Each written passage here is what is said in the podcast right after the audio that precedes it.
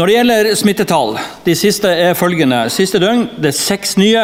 Alle har ukjent smittevei. Vi har per tiden 41 personer i isolasjon, og vi har 150 bodøværinger i karantene. Smittevernoverlege Kai Brynjar Hagen. Foruroligende med seks nye smitta, vil jeg si, uten kjent smittevei. Hva sier du?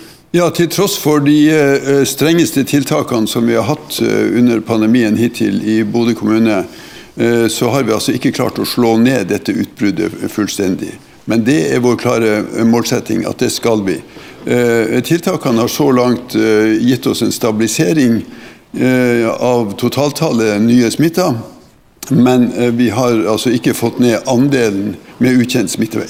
Men seks nye i dag uten eh, kjent smittevei. Eh, er det noe sammenheng? Kan dere se noen som helst sammenheng mellom dette, eller er det seks i den retning? Nei, altså Der er noen sammenheng altså, mellom disse, det er det. Men i, i hvilken grad det har uh, stor betydning eller ikke, det det vet vi ikke fortsatt.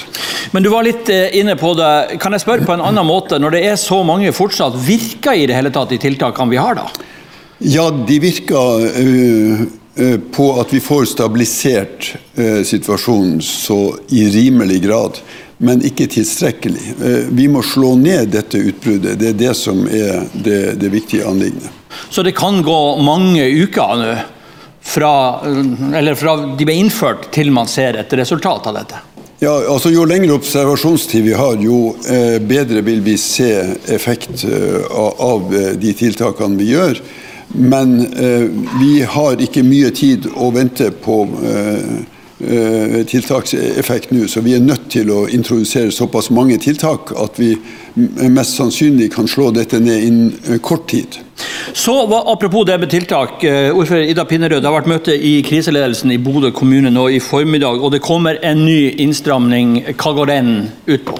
Ja, Den innstrammingen kommer jo med bakgrunn i det som eh, Kai Brynjar nettopp har sagt, nemlig at vi, har, vi, vi klarer liksom å stabilisere det sånn høvelig, men vi må få det helt ned. Eh, sånn at vi er nødt til å ta i enda et knepp. Og Da er det disse én-til-én-virksomhetene som ikke som er ikke-medisinsk, altså frisører, barbershop, hudpleie inkludert behandling av hud, negler, solaria, hårfjerning og massasje, tatovering og hulltaking og piercing. Det vil vi eh, eh, stenge fra og med natt til torsdag. Så det kommer altså en lokal forskrift om det? Ja, midnatt natt til torsdag kommer den, eh, eh, kommer den forskriften, ja. Ja. Så har det skjedd eh, også endringer i eh, nasjonale tiltak. Det kom jo 51 nye kommuner til i går kveld med hele Viken eh, fylke.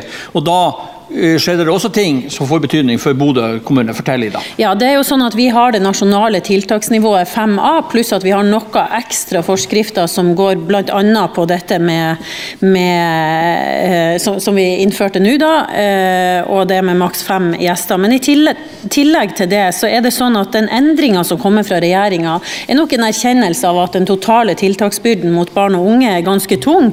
Sånn at de åpner nå, altså de fjerner det forbudet som er mot utendørs fritids- og idrettsaktivitet for barn under 20 år med inntil ti personer, eh, og alle fra samme kommune, så fremt man kan opprettholde avstandsregelen. Så man har lov til å lage organisert fritids- og idrettsaktivitet ute eh, for barn og unge under 20 år, inntil ti personer, så fremt man overholder eh, avstandsregelen.